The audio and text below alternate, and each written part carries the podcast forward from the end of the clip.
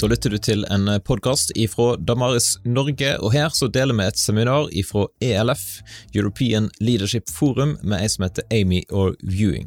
Amy er nær medarbeider med Ravi Zakarias, og til daglig så arbeider hun som co-director for Oxford Center for Christian Apologetics. Se lenken i podkastbeskrivelsen.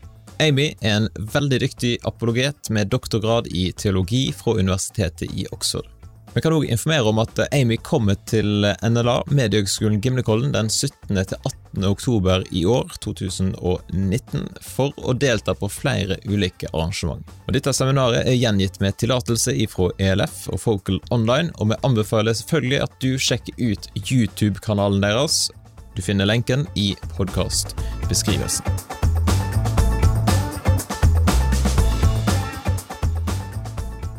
So, by uh, by further way of introduction, um, to kind of share with you, I guess, where my perspective on this topic before us tonight is coming from. I feel rather old to be um, uh, addressing this subject of, of how we reach young people. Um, but really, I kind of have three full time jobs. Job number one is as the mother of three boys and the husband of a, of a, of a pastor, a pioneering church planter. And uh, my three children are um, twins who are 12 and a nine year old and they are navigating life as followers of Jesus, uh, really in quite hostile contexts to the gospel. And so, job number one is as parent and champion of them, but also discipler of, of those young people. Um, job number two, as Stefan mentioned, is I'm the Europe, Middle East, and Africa Director for um, Ravi Zacharias Ministries. I've been doing that for 20, well, I've been working with the ministry for 20 years. I know, I hear you say you must have been 11 when you started. I, I, I was. And um, one of the focuses of that role for me in the last um, number of years has been um, to try and help be a part of creating a pipeline of young evangelists and apologists um, I often meet people who ask that question. You know, how how do you become an evangelist or an apologist? How how does that how does that sort of happen? And we've been trying to address that and identify um, people with that potential and gift, and then give them the mentoring and opportunity and training through what we call our OCA fellowship program and, and then also obviously being involved in apologetics around the world and teaching at the OCCA, etc. And then my third full-time job um, is as a, a pastor's wife. Um, my husband and I um, have been married for 22 years. We're coming up to 22 years, and he's been um, a, a church leader for a lot of that time. Six years ago, um, we felt God calling us to move as a family and to plant a new church. And we began with just eight people in our sitting room. The vision was to plant a Minster church. That was the methodology that the Celts used to evangelize pagan Britain. And um, so we've been trying to do that to reach young people, to reach the unchurched. And we have a farm now, a 70 acre site um, where we, um, we evangelize and bring people in, in nature and do apologetics and all sorts of, of different things. And that, that's a really growing church. We have about 500 um, people now in that church and, and other plants involved in that as well. So three full-time jobs and and um, lots of lots of plates spinning and juggling. I'm sure almost every person in this room, as a leader, you identify with that. Lots of challenges that that we're facing personally. So, as we look at this question and the challenge of reaching young people today, I want to sort of scope out a kind of broad generational and cultural landscape. What are um, some of the key um, defining features of this generation or these generations that we're seeking to reach? And then I want to address five um, specific challenges that we as the church face today and try and give some creative ideas in the face of those challenges as to what we might say. So, first of all, I want to acknowledge that um, I'm British, and I know um, I'm sorry about Brexit, by the way. Apologies for that. Um, so, a lot of the examples that I'm going to use are from, from the UK, inevitably. And I just want to kind of acknowledge that initially, but hopefully some of it will still be of relevance and help to you. So let's just scope out the broad generational and cultural landscape we're talking about. The millennials, that's the generation born between 1980 and um, 1994, have been identified as the generation under Generation X. And there are certain characteristics about the millennials. They value friendship networks. They're technologically advanced and they want to change the world. Millennials are aware of poverty, of environmental and social justice concerns. They don't need any persuading that these issues are important. They have some of the highest levels of volunteering and activism, certainly in Britain. Millennials are massively indebted um, so they have a lot of financial debt. And they've been raised with this idea, this kind of idealism that anything is possible. Just dream your dream, and you too can have that dream filled life. They've been raised to be aspirational, whether it's through the X Factor, that pop singing career that just might be on the horizon for you, or the desire to work in media, or whatever it is in law. And so, as a generation, they're seen as quite entitled.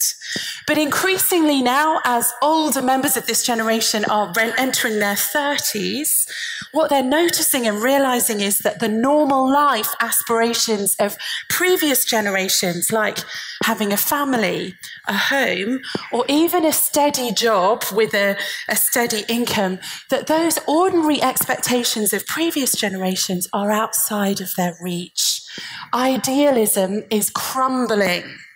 And so, this concept of FOMO, the fear of missing out, doesn't now just apply to that crazy dream of being a pop idol. It now applies to having a kind of reasonable standard of living. That ever becoming a lived reality seems to be outside of people's reach. And so there's this increasing sense of disconnection and disillusionment. That's the millennials, obviously, very general terms. The next generation are called iGen or Generation Z, and those are people born between 1995 and 2010. Can you just raise your hand if you were born between 1995? And thank you, we've got a few of you. So we can do a case study later um, if, if you're interested in, in learning more.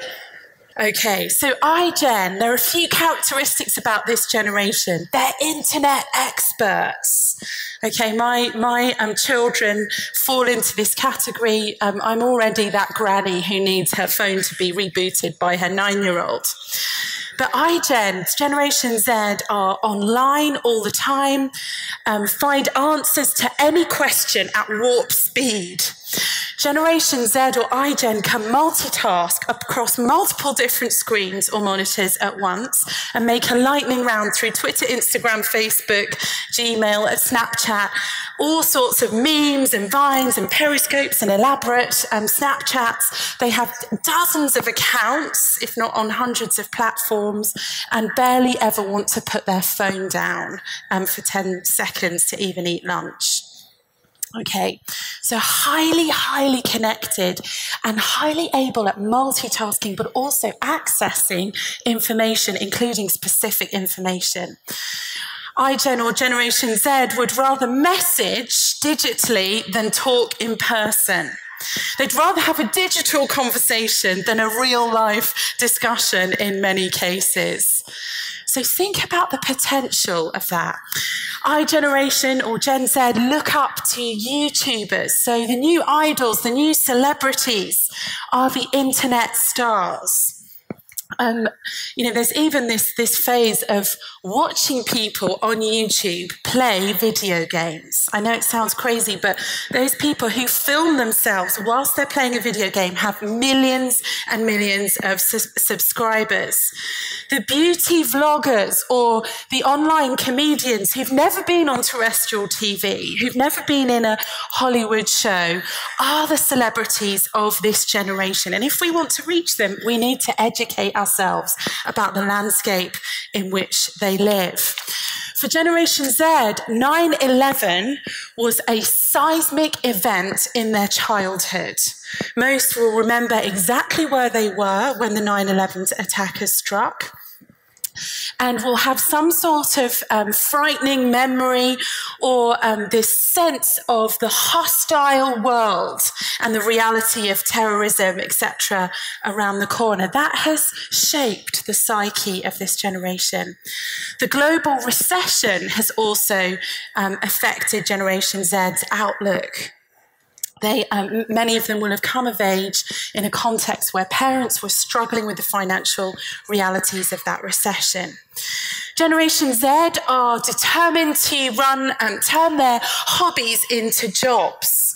They don't sort of imagine their life as having a kind of standard um, job, perhaps that their parents had, um, that they think what they love to do will be what will make them money. And they're often quite entrepreneurial, they're self starters they, lo- they look up to companies like Uber or, or, or Facebook or PayPal, pay- companies that have emerged quite quickly and have changed the landscape of how things operate in culture. Generation Z are stressed out. They're stressed out, fretting, not just over small things, um, the multitasking that they're doing or the, the threat of exams or whatever, but over bigger picture issues like the economy and like the environment, or like the threat of, of world war and um, the prospect of the current individual in the White House, I can speak from experience of that, of my 12 year old wanting to discuss those kinds of issues with their friends. Generation Z prioritize quality over quantity. They're incredibly selective about the products they buy. Marketers know this. All sorts of research has been done into this. They have made it painstakingly tedious for marketing to get through to them. They generally won't buy anything unless it has a four star rating next to it. Before going out for, to dinner or restaurant or to see a show, they will check the reviews online. That is extremely important for us as we think about how to reach them. So that's a little bit of the, of the landscape. Generation um, Z and um, genera- uh, and um, generation millennials. Okay, so what are the challenges then that we face in reaching young people today? I'm going to give us five challenges and explore them together. The first challenge is that as the Church of Jesus Christ, we are almost nowhere on their radar. We are almost nowhere on their radar. You look at and the statistics from my country, the drop in ter- church attendance from 11.1% attending church on a Sunday in 1980 in the UK to 4.7% of the population attending church on a Sunday in 2015. That is a dramatic drop statistically, but it is far more dramatic when you look at that statistic for under 40s in the church. In the area where my husband and I are church planting, less than 1% of young adults, so under 30s, um, including teenagers, are in church. Less than 1%. And yet, when we moved there to plant a church, many Christians thought of it as a place where there are a few churches. When my children started um, at school, they were the only churchgoers in their year, and there were two other Christian families in the entire school. For the majority of parents that we met um, through the school, we are the only Christians they have ever met. If you look at the Bible Society's Pass It On report done, uh, published in 2014, looking at child biblical literacy, this is what they reported. Even for those stories that appear to be favourites, around a quarter of a children, a quarter of children indicated that they had never read, seen, or heard of Noah's Ark. Twenty-three percent. That's in Britain. So I, I wonder what it is in the Czech Republic. With a similar proportion saying they had never read, seen, or heard of the Nativity story rising to more than half, 54% of children saying they'd never read, seen, or heard of Joseph and his coat of many colours. You will know the reality in your own nation and church. You may not know the statistics, but by experience, you will know that the situation for us currently in reaching young people is tough. And if we're really honest, even the larger city centre churches that attract a lot of students or do seem to be filled with young people, perhaps have a few hundred young adults, they primarily tend to gather Christian, people who grew up in Christian homes. That's still an extremely important thing to do. That's not at all to denigrate that. We desperately need that to be done.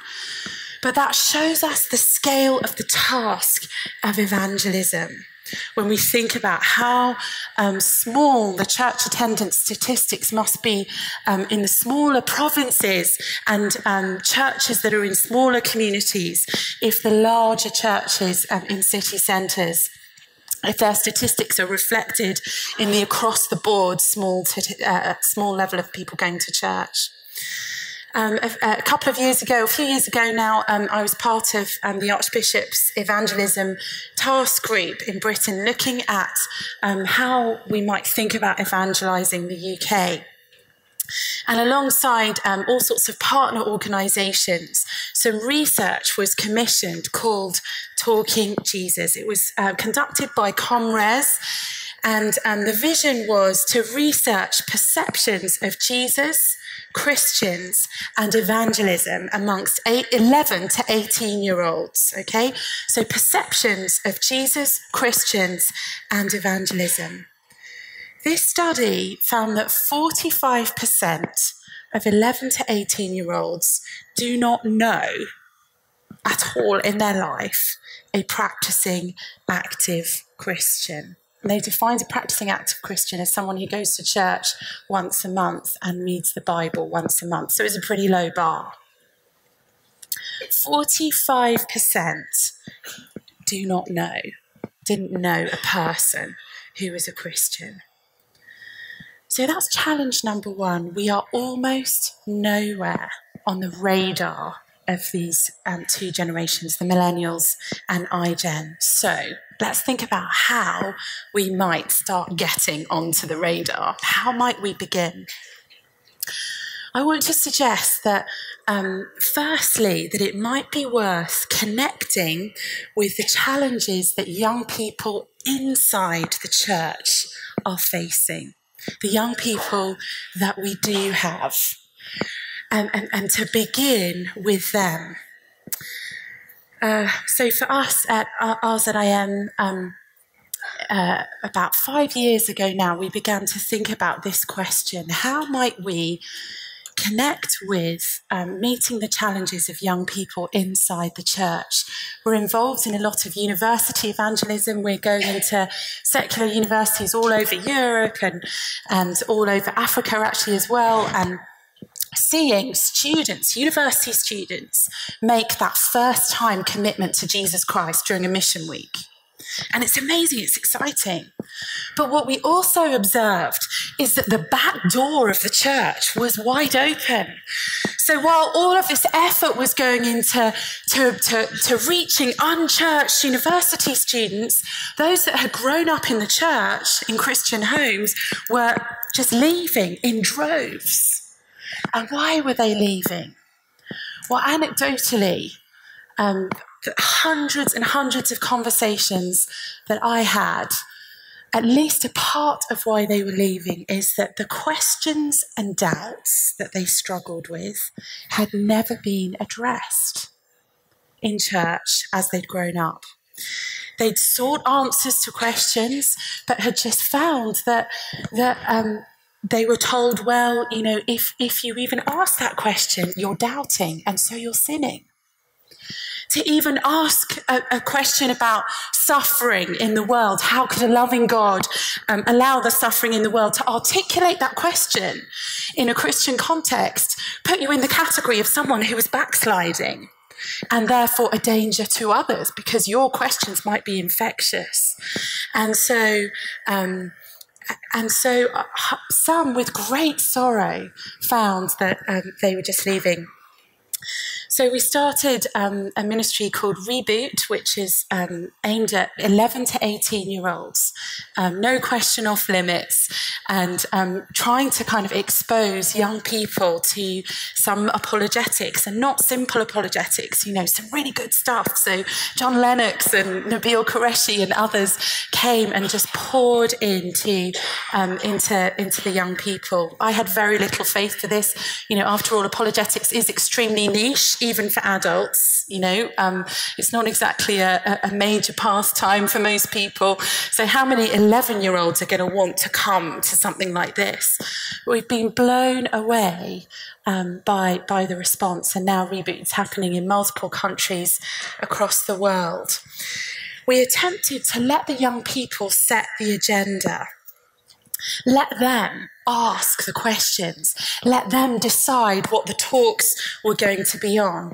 For every talk, to make sure that it was um, less than 20 minutes and that there was at least 20 minutes of questions after the talk, to have multiple times of open questions, to have what we call balloon stations where we put balloons up and have apologists there in person saying, in all the breaks, in all the lunchtime, if your question hasn't been answered, come and I'll be there. I will talk to you one on one and we'll will be here until the last person has, has um, wanted to leave.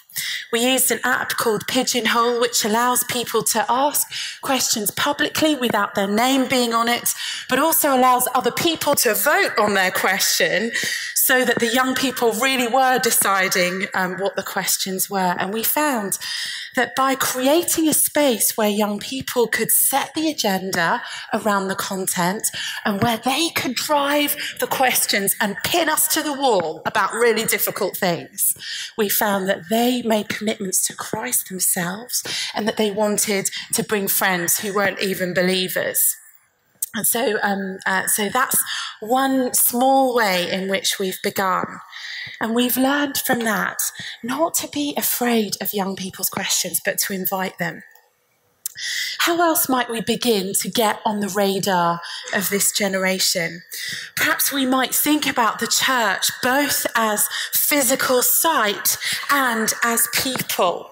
We might begin to ask about the spaces we operate in, the physical spaces we operate in and inhabit, and sort out the, the sign language, the, the, the banners, the communication, sort out what we are saying about the church in what young people see when they just look at the physical um, space? Is it intriguing? Is it relevant? Is it creative?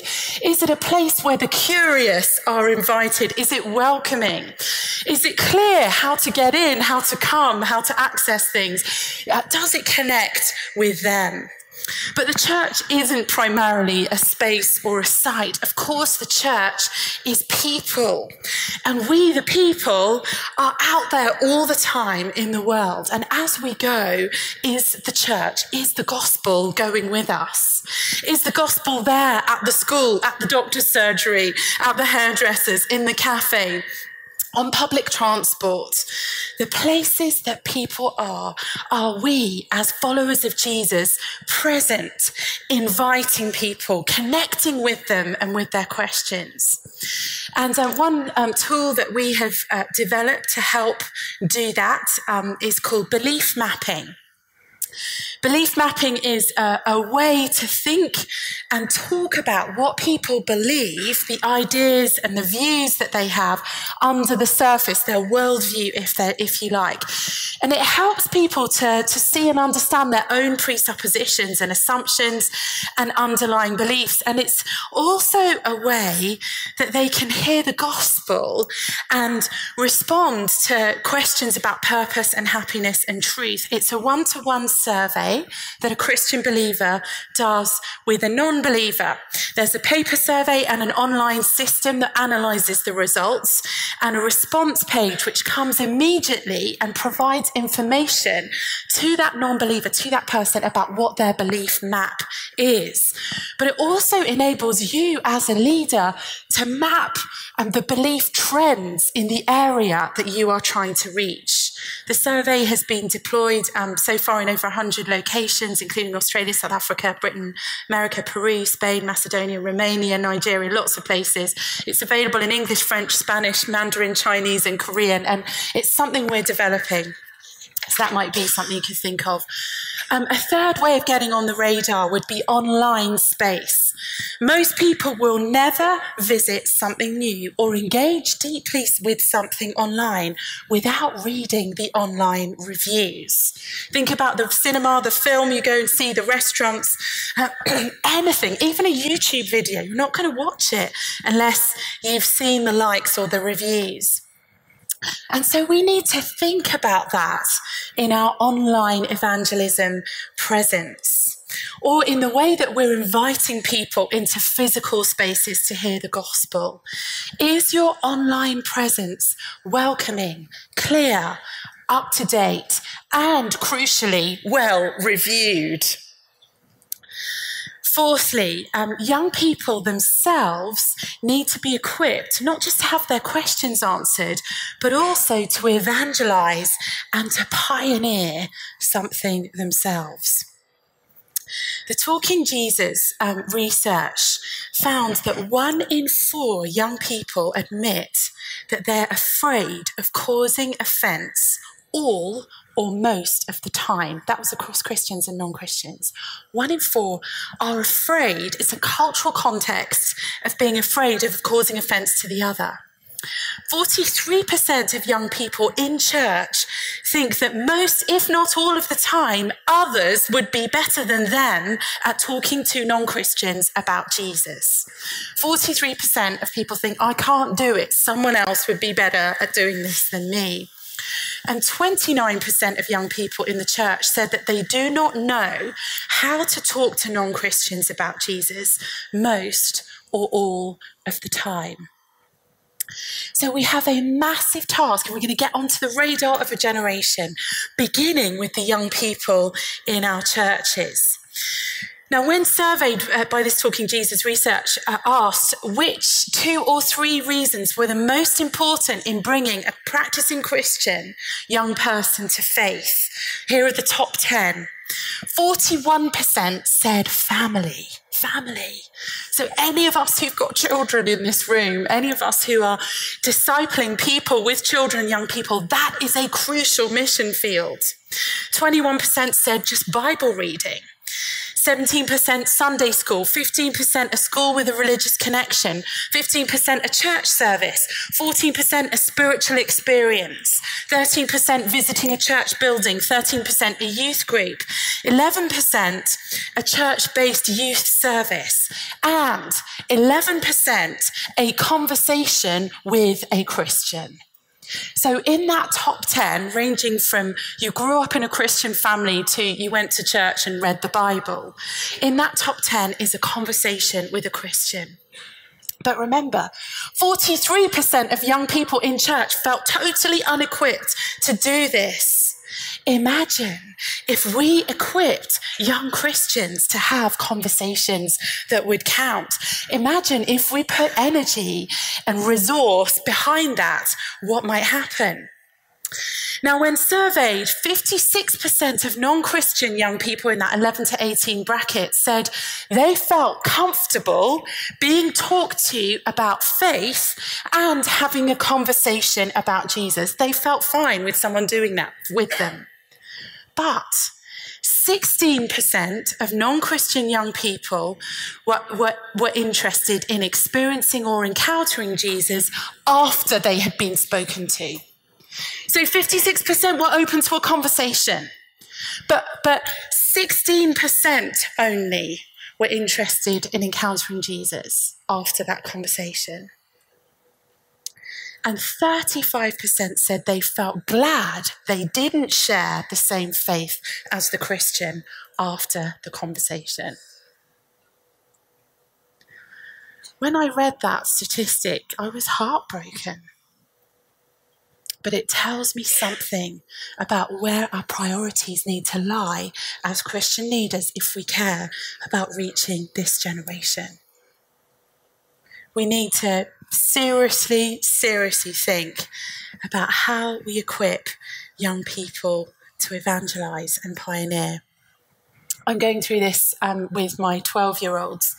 Um, in September, they started in a new school and um, one of the twins in particular uh, had been prayed for by an amazing missionary um, to, to Burundi over the summer. And he had felt a very strong sense that when he started in his new school, he um, should ask if they could start a Christian union, a gathering of Christians in the school. It's a boys' school, and um, they they arrived, and um, a, a, few weeks in, I knew about this. I knew that it was sort of um, in the, in the back of his mind that it was something he wanted to do. But about three weeks into term, he came into the kitchen about 9.30 at night and said, Mummy, um, I've just sent an email to this particular teacher at school and I've asked him if we can meet up in first break tomorrow because I want to start the Christian Union. I sort of went inside and then thought, okay, be calm, be calm, be calm. Um, we prayed together. That night, my husband and I got on our knees and prayed, cried out to the Lord that this would be an encouraging experience for Zach, that it, that it would be, um, it would not be a sort of shut him down moment. And he went to the meeting with the teacher. The teacher's opening line was, I have been praying for this for four years. Four years ago, I went to the head and asked if we could start a Christian union, and he said no, it would have to be a student initiative. If a student initiates it, then I'll let you support it, but you can't start it. So he, he said, You have no idea how encouraging this is. And then um, uh, my other twin as well, they, they went along, the two of them, and then suddenly another Christian appeared in their year group, and they began the Christian Union for year seven and eight. So that's from year from 12 years old to 14 year old boys. Three Christians. They plastered the school in posters and teachers went down and took all the posters down and, um, and, and, they just decided to begin. And my husband and I were praying for them and, and um, trying to support them without taking it over. So um, we, we, we, we, we didn't discuss what they were going to do on the first week, and bearing in mind they're 12. So um, uh, after, after they had no idea if anyone would come, and about um, 28 boys turned up to the first meeting of the Christian Union. So, so I said to them, What did you do? They said, Well, you know, I, I, we got up one at a time and we shared where we're at with God and you know about Jesus and the resurrection and how God's real and the Holy Spirit and what He means in our lives. And then we made every other person get up and say where they're at with God and what their questions are. and um, uh, uh, and. Uh, and I said, and then what did you do? They said, right, we're going to spend the rest of the term answering your questions. By week three, they realized that was going to be harder than they thought. But it's been amazing. Um, at the last meeting of the first term, they had 50 boys um, at, at this Christian Union. And now I'm starting to get parents at the sideline in a, in a match, you know, in a football match or something, asking me, what on earth is going on with Christianity at the school? You know, I didn't send my child here to be indoctrinated because they don't realize that it's, it's my children. so. anyway, young people themselves need to be equipped to evangelize and pioneer. And if you, as an adult, have evangelized and pioneered anything you know, it's really exciting. You see God doing amazing things um, I've had the privilege of of talking with the boys about different boys they've prayed for and they've asked Jesus into their life. And you know, my son is struggling. He's trying to keep one week ahead of the questions of the other boy. You know, we know this as leaders. It's it's hard work to pioneer. Let's get behind our young people, our own children, the children in our churches, the children in our movements. Wow, I need to speed up first challenge is we're nowhere on the radar. And there's some suggestions about how we might get on the radar. The second challenge we face in meeting, uh, the, reaching this generation is the literal material struggle that people are having to make ends meet and the subsequent pressure that they feel on their time.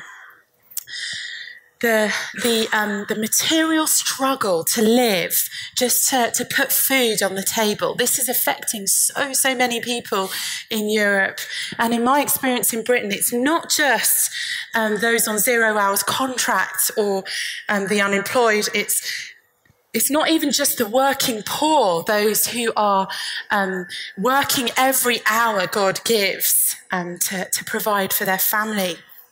But even for those in much more secure jobs, it is really, really hard to find time to engage in and think about these questions. The real impact um, of of the, the financial system in Europe, being that people can't afford a home, a life, uh, that life is a struggle, that there's debt, is overwhelming. And the impact for us on sharing the gospel is real. People don't have a lot of spare time and they're not inclined to spend it in church. You know, that may be a shock to us because we want to be there, but they find it literally earth shattering that we would choose to spend time in church. Let me tell you the story of, of Lana, a young woman um, I was standing next to watching our children playing football for um, a, a, you know, one of those academies where they do a lot of football. My youngest son loves sport, and we'd stood next to each other um, probably seven, eight, nine times and exchanged pleasantries. She's very young, she was in her um, early 20s, she'd had a child as a teenager and he was there playing with um, with my son. And um, as we begin to talk, she's very, very well put together. I'm trying to move the conversation in a spiritual direction. And as we talk, it becomes clear that she has no idea where her next meal is going to come from. Her living partner has just decided to leave. He's up sticks and left, and he's left her with all the bills. And she has no idea how she's going to pay the rent or the bills or even put food on the table by the end of the week. What does Jesus Christ have to say to Lana? What does our faith mean to her? You know, all the apologetics in the world and the best Christian exploration course in the world isn't going to help her if she literally hasn't got the money to put petrol in the car to be able to get to that meeting. Reaching this generation is going to mean preaching the gospel in a context where people are time poor as well, potentially, as materially poor. So, how might we begin to do that? I want to suggest to us that if the church of Jesus Christ, if the Christian community isn't going to be honestly helpful to meet someone like Lana in her place of need, in that daily grind where she needs help, childcare, food, debt, if the gospel doesn't meet her where she is, it's just going to be an intellectual exercise which, frankly, she doesn't have time for. So, are the communities that we're building, are they meeting the real needs of the communities we're trying to reach? Is church, is Christian community a home, a place of enrichment, encouragement, relationship, community, service, not a place where people observe, attend, feel on the outside or remote? And in terms of our evangelism, can we think about taking the gospel and that proclamation of the gospel into the workplace at lunchtime or at those evening events aimed at reaching people where they spend the majority of their time rather than expecting people to come to us. Um, in the city of London, in a large bank or at one of the top consultancy firms, I've had the privilege of being the evangelist who goes and speaks in that 6 p.m. networking hour with drinks and a talk and a Q&A. But what about the other workplaces where people are working, perhaps a regular business breakfast or um, a, a Christmas event? I had the privilege of praying with Lana at the side of that football pitch to meet Jesus, to encounter Jesus. And if, if he's not for her, we may as well pack up and go home. This is so, so important for reaching this generation. Thirdly, the third challenge we face, and quickly, um, is anxiety. the anxiety epidemic. In 2013, there were 8.2 million medical cases of anxiety recorded in the UK. In, um, in England, women are almost twice as likely to be uh, di- diagnosed with anxiety disorders as men. But there's been a massive increase of young people being admitted to hospital because of self harm. And over the last 10 years, that figure has increased by 68%. Young people are chronically anxious young adults as well as, um, as adolescents struggle with this in day to day life. And depression and anxiety are spread across the socio-economic spectrum, although the poorer and more disadvantaged are disproportionately affected by mental health problems. Areas of concern for young people might stretch from relationships with parents, friends, colleagues, or fellow students to worries about appearance or fitting in. Um, the rise in sexual violence that the Me Too thing has, has revealed. Um, and then uh, just a couple of weeks ago, I was listening to, to the BBC um, radio to a piece on suicide amongst young men in Britain. And a police officer was being interviewed. And she said, um, that um, the last seven deaths she had attended, she'd been called to as a police officer in London, all of the last seven had been male suicide. People are anxious, people are afraid. And yet, Jesus Christ is the one who can deliver us from fear. He's the one who deals with evil. He's the one who sets people free.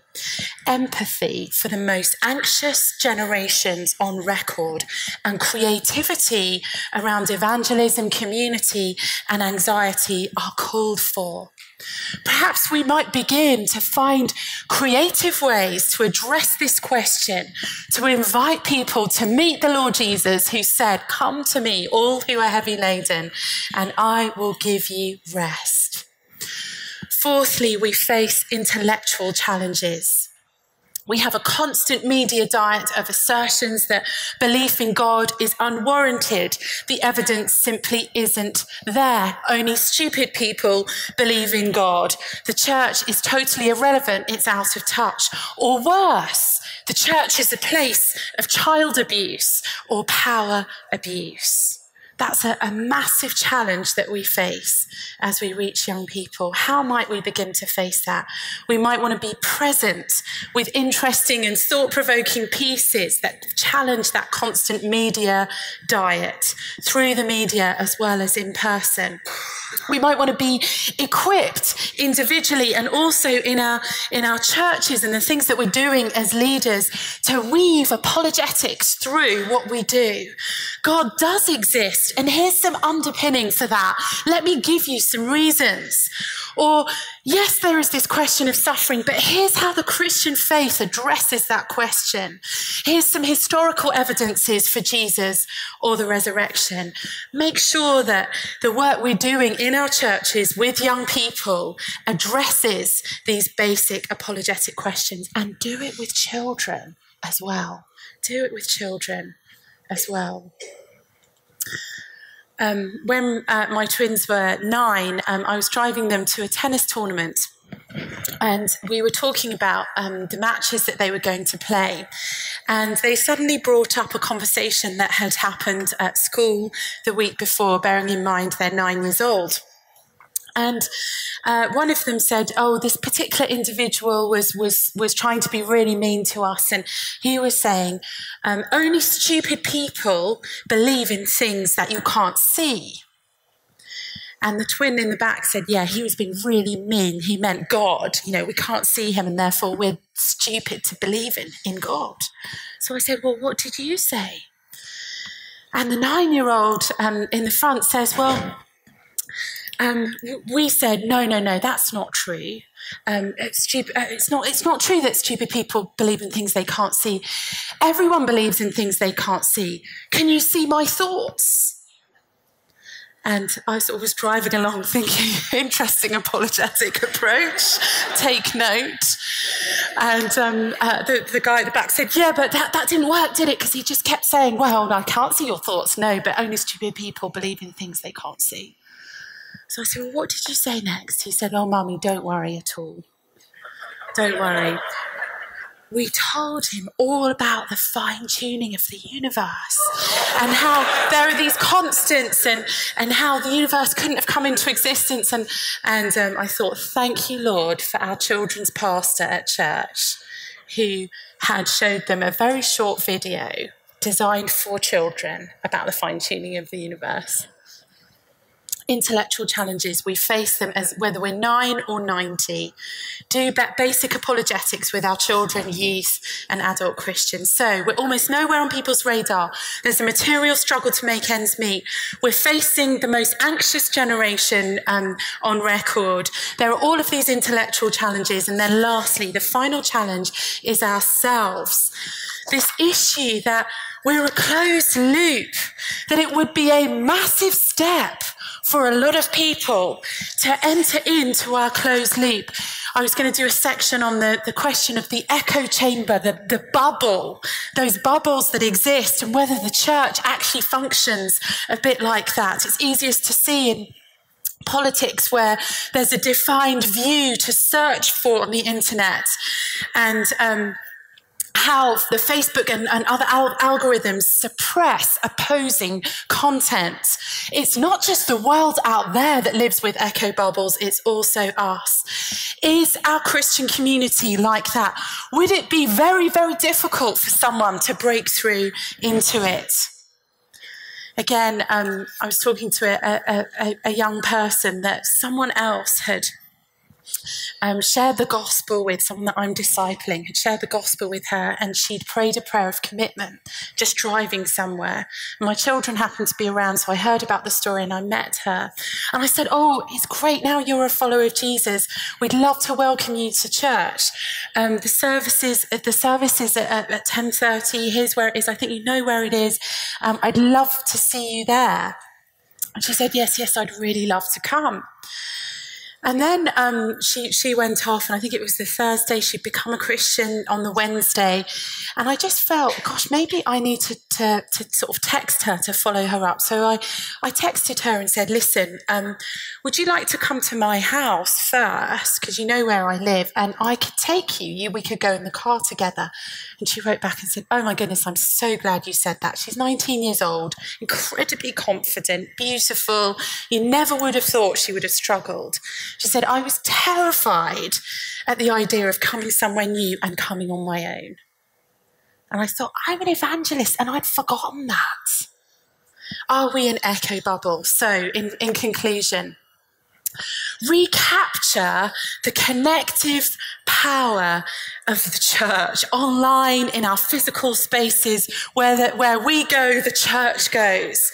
Build that church family or Christian community that's truly representative of people. Equip Christian young people to have conversations that count. Let's give them the very best that we, that, that we have so that they can pioneer evangelistically. And maybe we too need to today receive the confidence and infilling of the Holy Spirit to go out and build Christian communities, not leaving it to others. I work in itinerant evangelism and apologetics, but locally in my context, God is calling me to establish really small things to help in our, in our youth ministry, to care about the one as well as the thousands. So maybe just even in this room today, we need that infilling of the Holy Spirit, just as we celebrated Pentecost on Sunday to empower us, to envision us, to hope again that Europe's young people might be reached. Amen. Thank you for listening.